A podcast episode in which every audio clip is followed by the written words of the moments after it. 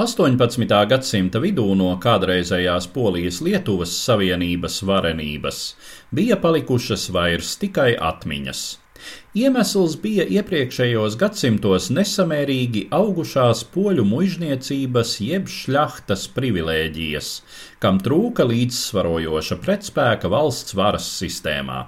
Citas valstis bija atskārtušas, cik lieti izmantojams Žečpospolitas aristokrātu egoisms un varas ambīcijas.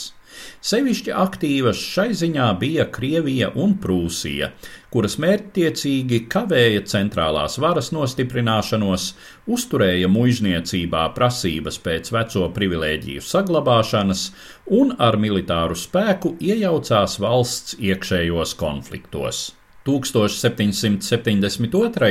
gadā kaimiņvalstis Krievija, Prūsija un Austrija īstenoja pirmo polijas dalīšanu, atņemot novājinātajai savienībai plašas teritorijas. Pašā savienībā pieņēmās spēkā prasības pēc reformām, kuras uzturēja gan pilsoņu šķira, pieprasot sev līdzvērtīgas tiesības, gan patriotiski noskaņotie aristokrāti, izprotot valsts bēdīgo situāciju. Reformu nepieciešamību apzinājās arī 1764. gadā ievēlētais karalis Staņislavs Augusts Poņatovskis. Šo spēku ietekmē 1788. gadā sanākušais Seims uzsāka darbu pie konstitūcijas izstrādes. Moments bija labvēlīgs arī starptautiski. Krievija un Austrija tobrīd bija iesaistījušās karā pret Osmaņu impēriju, un to kontrolējošais tvēriens Polijā bija atslābis. 1791. gada 3. maijā tā dēvētais Lielais Seims apstiprināja valdības aktu, jauno Polijas-Lietuvas Savienības konstitūciju. Trešā maija konstitūcija, kā šis dokuments tiek dēvēts Polijas un Lietuvas vēsturē, bija viens no tolaik progresīvākajiem pamatlikumiem, kas savā pilsonisko brīvību un tiesību garā atpalika vienīgi no Francijas Pirmās republikas un Amerikas Savienoto valstu konstitūcijām. Valstī tika ieviests varas dalījuma princips, tika garantēta personas neaizskaramība un likuma aizsardzība. Konstitūcija būtiski paplašināja pilsonības tiesības, likvidējot muiznieku monopolu uz pārstāvniecību Seimā, valsts amatiem un militāro karjeru.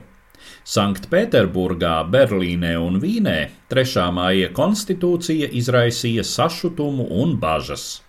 Impēriju valdītājiem bija skaidrs, ka jaunais pamatlikums būtiski mazina viņu ietekmi Žečpospolitā. Tajā saskatīja bīstamo Franču revolūcijas ideju izplatīšanos. Diemžēl konstitūcijas pretinieki atradās arī pašā Polijā. Vairāki poļu magnāti izdeva deklarāciju, kuras īstenais autors gan bija Krievijas imperatoris Katrīnas II kancelējas priekšnieks Vasilijs Popovs, un kurā šie muiznieki vērsās pie kaimiņu valsts carienes ar lūgumu pēc atbalsta. Ilgi lūgties nenācās, un 1792. gada maijā Polijā Lietuvā iebruka Krievu karaspēks. Poļu armija ģenerāļu Poņatovska un Kostčuško vadībā cīnījās varonīgi, taču pārspēks bija pārāk liels. Prūsija, ar kuru Polija nesen bija noslēgusi militāru savienību, deklarēja, ka pēc konstitūcijas pieņemšanas Polija kļuvusi pavisam cita valsts, tāpēc saistības vairs nav spēkā. Pēc dažiem mēnešiem karalis Staņislavs kapitulēja, cerot vienoties par pieņemamu kompromisu, taču viss beidzās ar otro polijas dalīšanu, kurā Krievija un Prūsija sagrāba apmēram pusi no vēl atlikušās valsts teritorijas. 1794. gadā uzliesmoja ģenerāļa Kostčuško vadītā sacelšanās, pēdējais izmisīgais mēģinājums atbrīvoties no agresīvo impēriju varas. Arī šī cīņa beidzās ar sakāvi, un 1795. gadā Krievija, Prūsija un Austrija sadalīja savā starpā vēl atlikušās Polijas un Lietuvas zemes, uz vairāk nekā simtgadi izdzēšot šīs nācijas no Eiropas kartes.